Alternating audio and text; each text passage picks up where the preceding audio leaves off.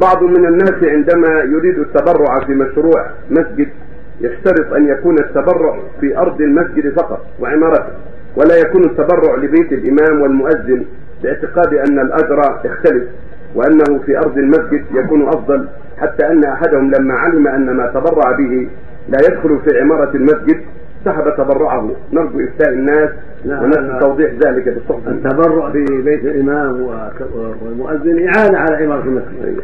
وإعانة على استقامة أحوال الجماعة في المسجد لأن الإمام إذا كان موجود قريبا من المسجد استقام أمر المسجد وحافظ عليه الإمام وهكذا المؤذن. ثم أيضا كل مسجد لا يكون له بإمام البيت ولا بمؤذن في الغالب ما يحصلون إمام راتب ولا يحصل إمام آه، يتوافر فيه الشروط. فالبيت في البيت الإمام في حاجة إليه. فقد يكون الإمام في محل بعيد.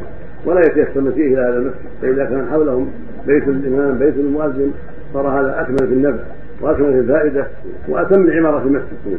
فينبغي المتبرع أن يتبرع لهذا ولهذا.